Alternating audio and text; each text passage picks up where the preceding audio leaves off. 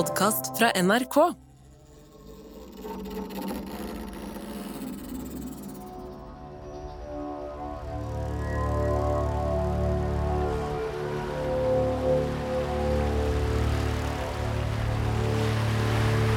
Ved Riens bredd, sørvest i Tyskland, ligger byen Worms. I 1521, i en stor bygning, er en stor sal pakka full av folk. De er på et viktig politisk møte, selveste riksdagen. De aller fleste av dem er fyrster og grever og andre adelige og geistlige, biskoper og erkebiskoper. Den tysk-romerske keiseren sjøl, pavelige utsendinger. Men det er ikke noen av dem som er stjerner. Stjerna står i midten av denne salen. Han er ikke adelig. En kraftig kar. Tettbygd type. Korpulent. Nei, vi kaller en spade for en spade. Han er feit, men ikke enorm. En ordentlig tjukkas. Svarte klær, svart kappe. Er han skalla? Nei, han har barbert seg oppå hodet. Må være en slags munk, han tjukken. Den mannen der, han er så mye på en gang. Noen ser på han som en helt og et forbilde. Noen mener helt seriøst at han er en jævel. Han er en rebell, han er en opprørsleder, han er et idol. Den tjukke munken i midten rensker stemmen sin. Han skal til å snakke. Og alle sammen holder pusten mens de venter spent. Hva kommer han til å si nå? For nå har han nettopp blitt spurt. Tar du tilbake kritikken din av kirka? Innrømmer du at du tar feil? At kirka har rett? Og at kirka og paven faktisk ikke kan ta feil? Den tjukke mannen står i dype tanker. Ser ut som en mediterer nesten. Nei, han ber sikkert. Mannen løfter blikket, ser seg rundt i forsamlinga. Så sier han med klar og tydelig røst Nei! Det er Martin Luther som står der. Og han sier nei, så det er disse i dobbelttakene. Og så kan en Martin Luther fortelle at han dessverre er nødt til å si nei, for det er ikke han som tar feil, det er det kirka som gjør. Så han Martin Luther nekter å ta tilbake noe som helst. Da går det et sus gjennom salen i Riksdagen i Worms. For med de ordene der, da sprekker den katolske kirka, rett og slett. Altså, reformasjonen hadde putra noen år allerede, men nå koker den over.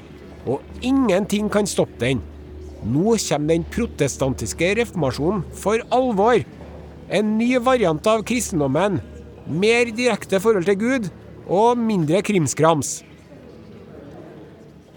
Midt iblant publikummet rundt Martin Luther, alle fyrstene og grevene og prinsene og hertugene og kongene Ja ja, en konge er også en fyrste, men i hvert fall da, midt der står det en ung mann. En ungdom på bare 17 år. Christian heter han. Og unge Christian, han er så imponert.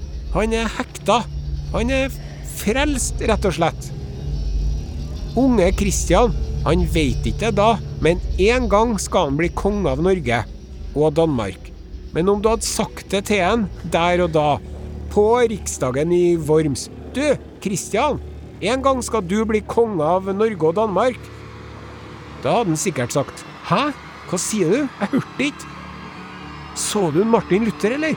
Så du Martin Luther? Så du Martin Luther? Hvis en Martin Luther hadde solgt hettegensere og T-skjorter, da hadde en Christian kjøpt alt.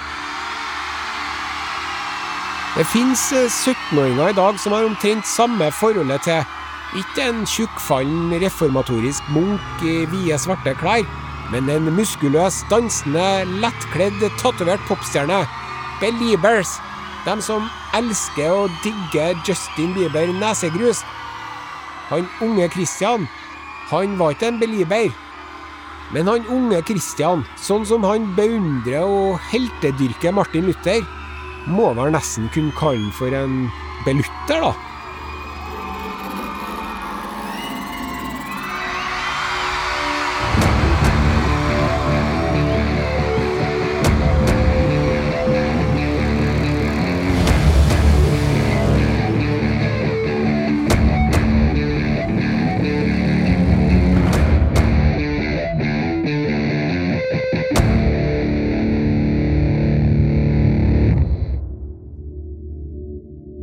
Hører Kongerekka med Are Sende Osen, sesong fire.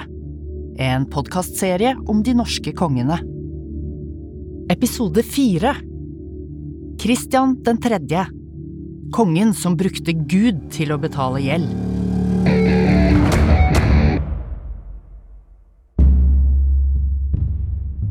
Han Kristian den tredje. Sjøl om han etter hvert ble konge over både Danmark og Norge, så var ikke det noe selvfølge da han var liten. For pappaen hans, Fredrik, var egentlig tysk hertug, og han fikk ikke jobben som kong Fredrik den første før Kristian var over 20 år. Egentlig er det litt rart at Kristian skulle bli konge av Norge og Danmark, for han var altså verken dansk eller norsk. Han var tysk, han. Han var tysk, og faren var tysk, og mora var tysk, stemora var tysk, og onkelen var tysk. Og da han etter hvert gifta seg, var kona hans tysk, og svigermora var tysk, og svigerfaren var tysk, og han Christian var født og oppvokst på et slott i Tyskland. Blir ikke tyskere enn dere. Sånn har det blitt. Jeg husker det var en gang, jeg, da norske konger ble født i Trondheim eller Bergen eller Oslo eller Tønsberg eller på Opplandene. Det var tider, det. Tysk lærer hadde nå han Christian. Og når jeg sier tysk lærer, så mener jeg både tysk lærer og tysklærer. Tysk tysklærer. Lærte han andre ting enn tysk òg, selvfølgelig. Da han Christian var 17 år, da sa tysklæreren at nå skal vi ut og se verden, Christian. Jawohl, sa han Christian, og så for de til Tyskland, selvfølgelig, og spiste sikkert pølse og sauerkraut og drakk øl og kosa seg, og det er vel og bra, det, men det viktigste som skjedde på denne turen, det var den dagen i Worms. Da Martin Luther med ordene sine rett og slett språtna hele den katolske kirka. Han Martin Luther, nemlig, han hadde drevet og kritisert kirka og det gjør man jo stadig vekk i dag, uten at det får noe særlig konsekvenser. Hva er greia med at det fortsatt finnes prester som ikke vil ha kvinnelige kolleger? Hæ? Er det mulig? Men den gangen, i 1521, hvis man drev og kritiserte kirka, og sa at kirka var noe som helst annet enn ufeilbarlig, da kunne du fort havne i fengsel.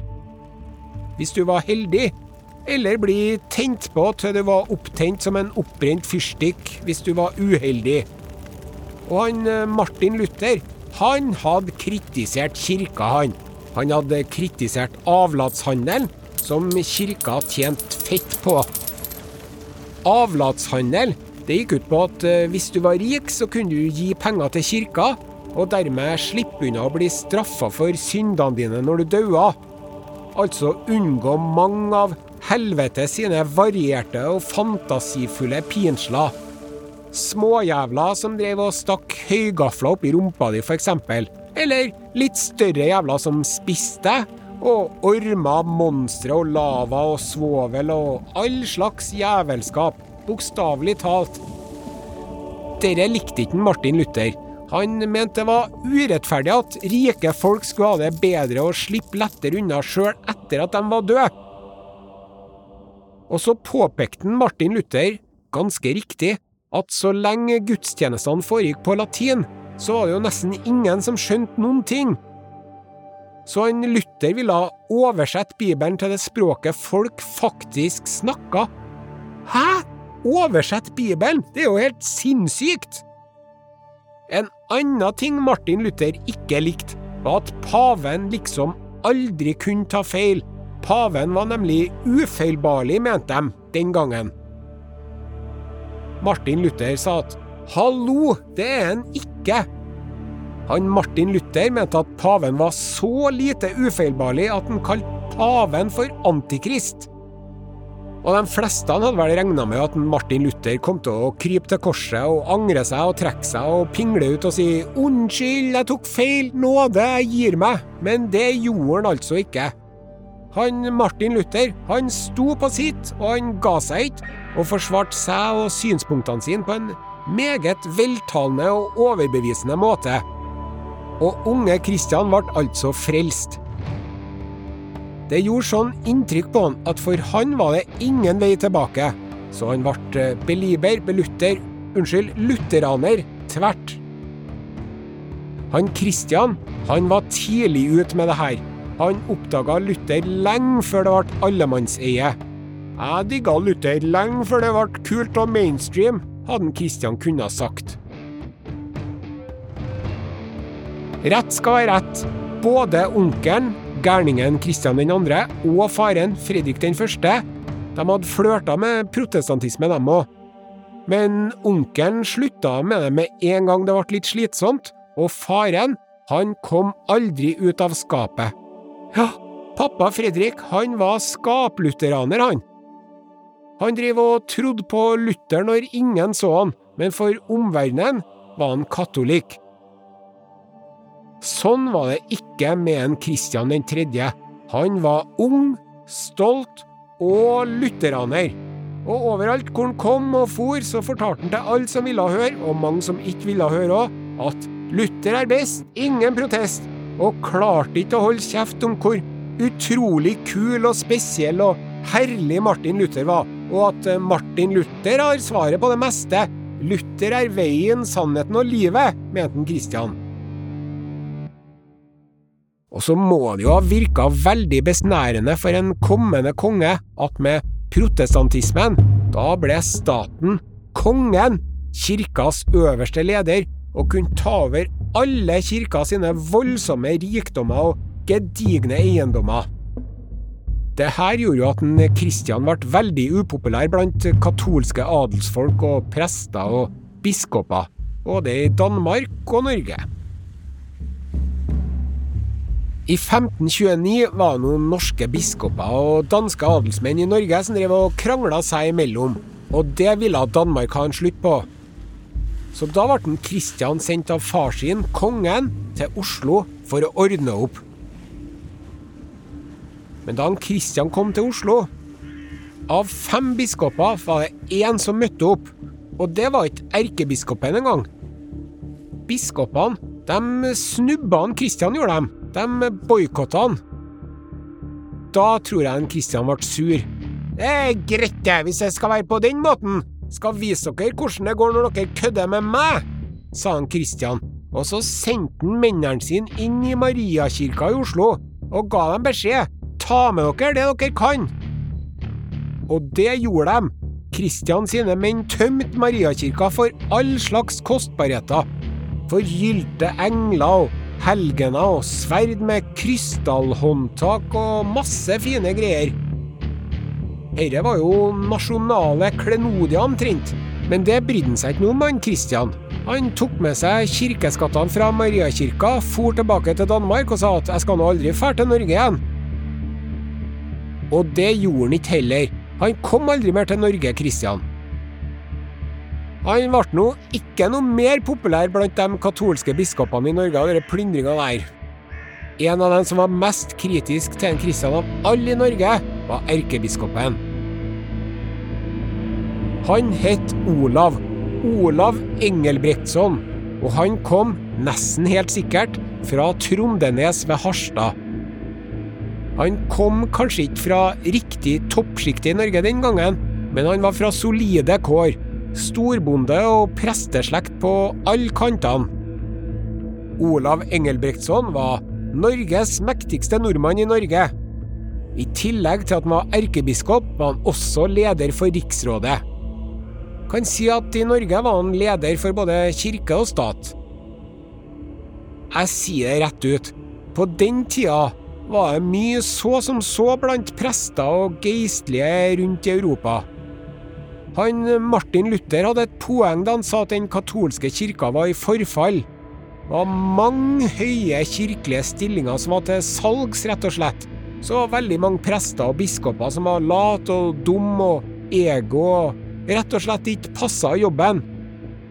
Det kan man ikke si om en Olav Engelbrektsson.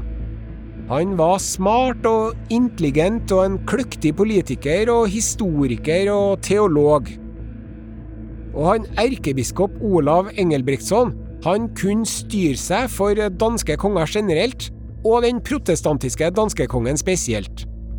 Men sjøl om erkebiskopen var kritisk til de danske kongene, så gikk han ikke, smart og lur som han var, ut i åpen opposisjon mot dem. Han førte ei forsiktig linje.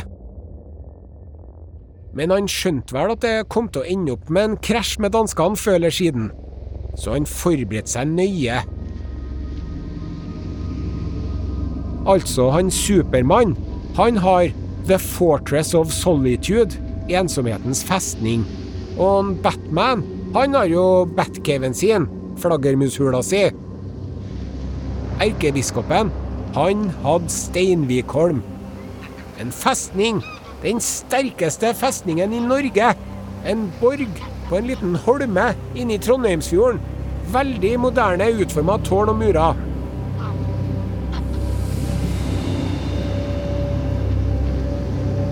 Tilbake til Kristian. Kjempeprotestantisk ung mann, og sønnen til kongen av Danmark og Norge, som er skapprotestant. Han kong Fredrik den første prøvde å få riksrådet til å godkjenne at Kristian skulle bli den neste kongen når han døde, men rakk ikke før han døde, i 1533. Og flertallet i det danske riksrådet, de skulle fanken ikke ha noe protestantisk luthertilhengerkonge, nei, det skulle de ikke. Han var altfor kristen, på en feil måte. Han var uakseptabel. Så de begynte å se seg rundt. Hm, er det noen andre kandidater? Og det var jo det. Kristian hadde nemlig en lillebror, lille Hans. Og han var så ung, bare tolv år, så han hadde vel ikke rukket å bli besudla av protestantiske villfarelser ennå. Han kunne være en kandidat. Ikke dumt. Og det var flere som blanda seg inn. Hva med han gammelkongen som sitter i fengsel, da? Var det noen tyske kjøpmenn som foreslo Kristian den andre? Jo, det var jo et helt fjernt forslag, faktisk. Riktignok er en Kristian den andre antageligvis protestant, han òg, og helt sikkert eh, tullete, pluss at vi hater han. Men greit, nå har vi på de grønne hattene, vi er i ja-fasen. Alt er bedre enn Kristian den tredje. Kom igjen, gutta! Har vi noen flere forslag? Så nå, da. Nå kom det en periode på fire år hvor det ikke var noe konge over Norge og Danmark. De hadde bare masse gule lapper på veggen. Interregnum kaller man den perioden. Det er latin og betyr mellom kongers styre. Interregnum. I Danmark kaller de også den perioden her for grevefeiden. For det var en greve eller to som drev og kjempa om makta. Og ikke bare grever heller. Bøndene drev og blanda seg inn, og borgerne òg drev og laga kvalm, og det var en kaptein som slengte seg med òg, en sjørøverkaptein. Vi kunne ha snakka lenge og vel om grevefeiden, men det blir for dansk, rett og slett. Vi gidder ikke. Vi nøyer oss med å si at det ble borgerkrig i Danmark, og alle kongekandidatene drev og hyra inn tyske leiesoldater for seg, som for omkring og sloss og herja og voldtok og drepte bønder. Og det var dyrt. Men til slutt så var det én igjen alene på toppen. Kristian vant grevefeiden. Så i 1536, da ble Kristian endelig valgt til konge av Danmark. Kristian den tredje.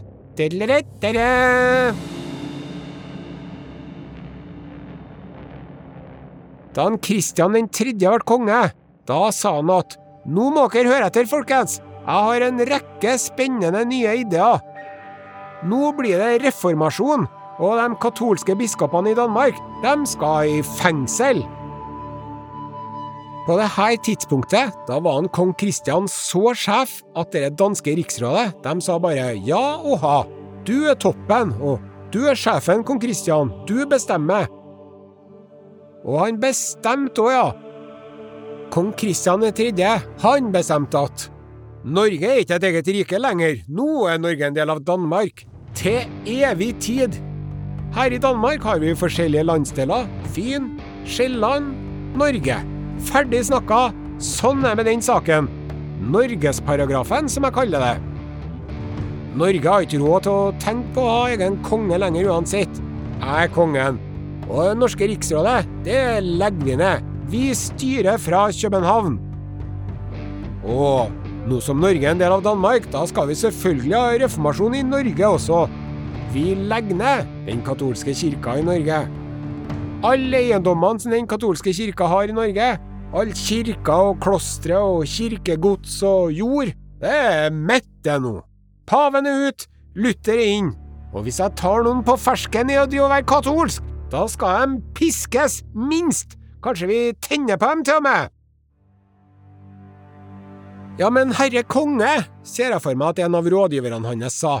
Norges mektigste mann, den katolske erkebiskopen og riksrådslederen, Olav Engelbrektsson, han kommer sikkert ikke til å være helt enig i de planene her, altså.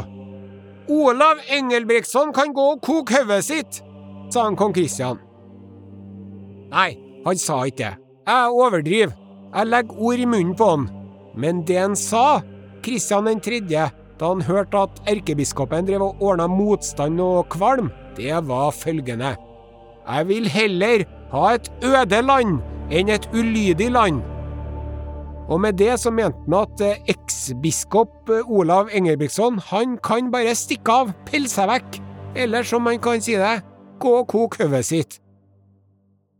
Og så sendte han kong Kristian 3. soldater til Norge.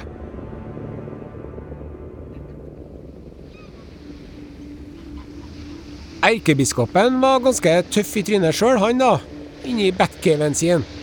Jeg har det ikke travelt. Jeg sitter godt her, jeg, i festningen min. Den sterkeste og mest moderne festningen Norge har sett.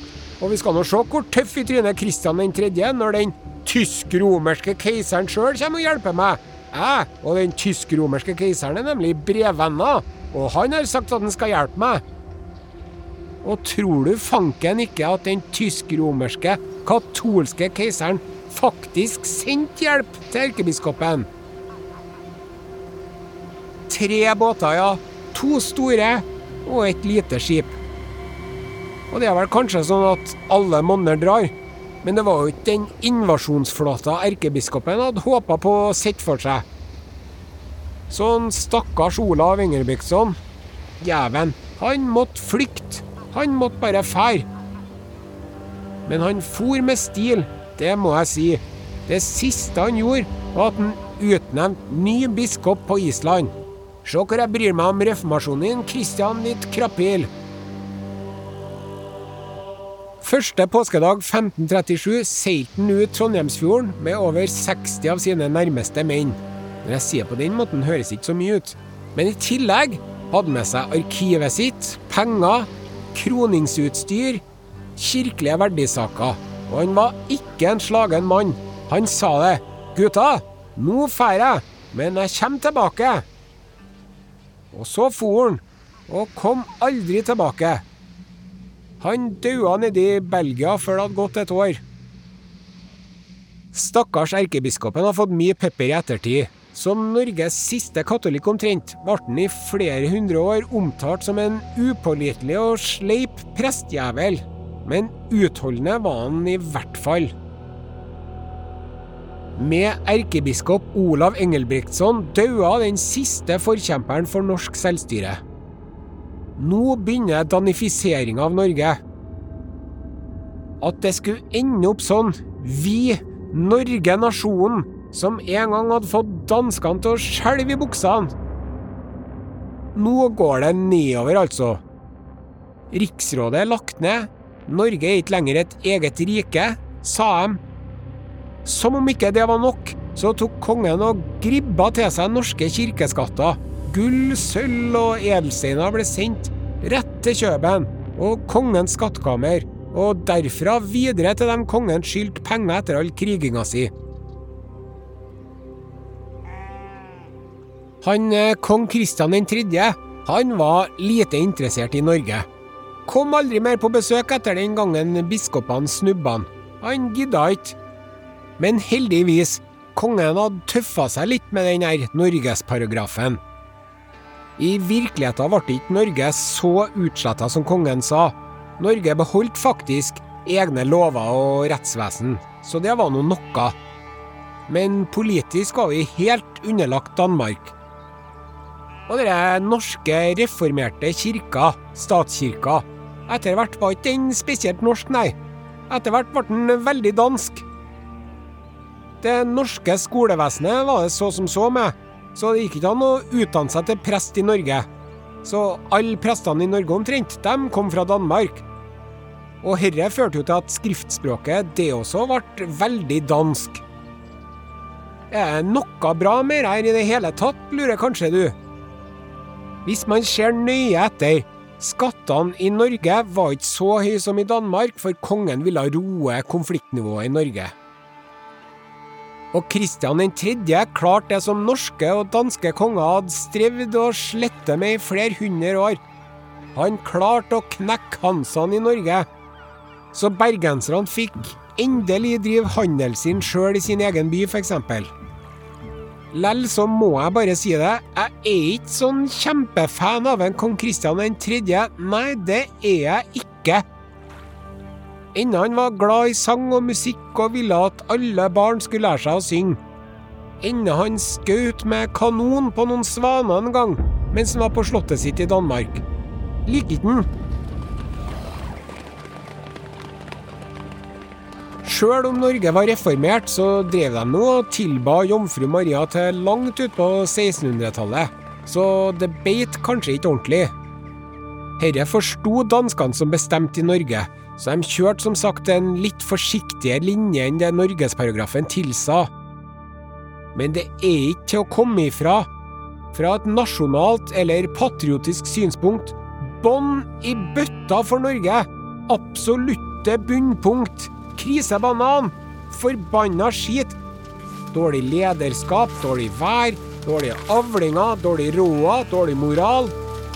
Fatales periodos var det en historiker i Bergen som skrev en gang på 1560-tallet. Ja, han gjorde det. Men det gikk ikke såpeglatt for danskene. Nei, det gjorde det ikke. Det ulma med motstand mot danskestyret landet rundt. De var som et uh, trassig barn, og danskene måtte ha festninger og leiesoldater for å holde kontroll.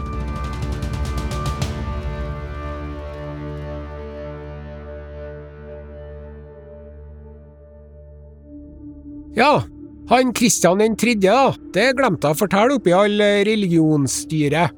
Han ordna seg ei kone som var akkurat like protestantisk og kristen som seg sjøl. Tysk, selvfølgelig. Så det var visst et lykkelig ekteskap. De hadde samme interessene. De fikk mange barn, og den eldste sønnen, han kalte dem Fredrik. De gjør jo det i Danmark, kongene. Hvis de heter Christian, da kaller de eldstesønnen for Fredrik, og hvis de heter Fredrik, så kaller de eldstesønnen for Christian. Ikke så veldig fantasifullt, men sånn er det nå. Og han Christian den tredje, han sa klart ifra at når jeg dauer, da skal han Fredrik bli konge, ok? Skal ikke ha noe gjeskla interregnum etter meg, sant nei? Nei, sa jeg. Da han var 55 år, da døde han kong Kristian 3. i 1559. Nå var Danmark det mektigste landet i Østersjøen, og Norge en svak provins. Krigsgjelda var nedbetalt, og økonomien var skikkelig bra. Og veit du, han kong Kristian 3., han klarte å ikke gå til krig mot Sverige. Wow, jøsse navn og herlighet. Veldig sjeldent, altså. Så det var fred i og utafor Danmark-Norge. Fred både inne og ute. For en gangs skyld har vi en konge som er en stabil type, som viser moderasjon og god dømmekraft. Men jeg skal fortelle deg det, det varer ikke lenge.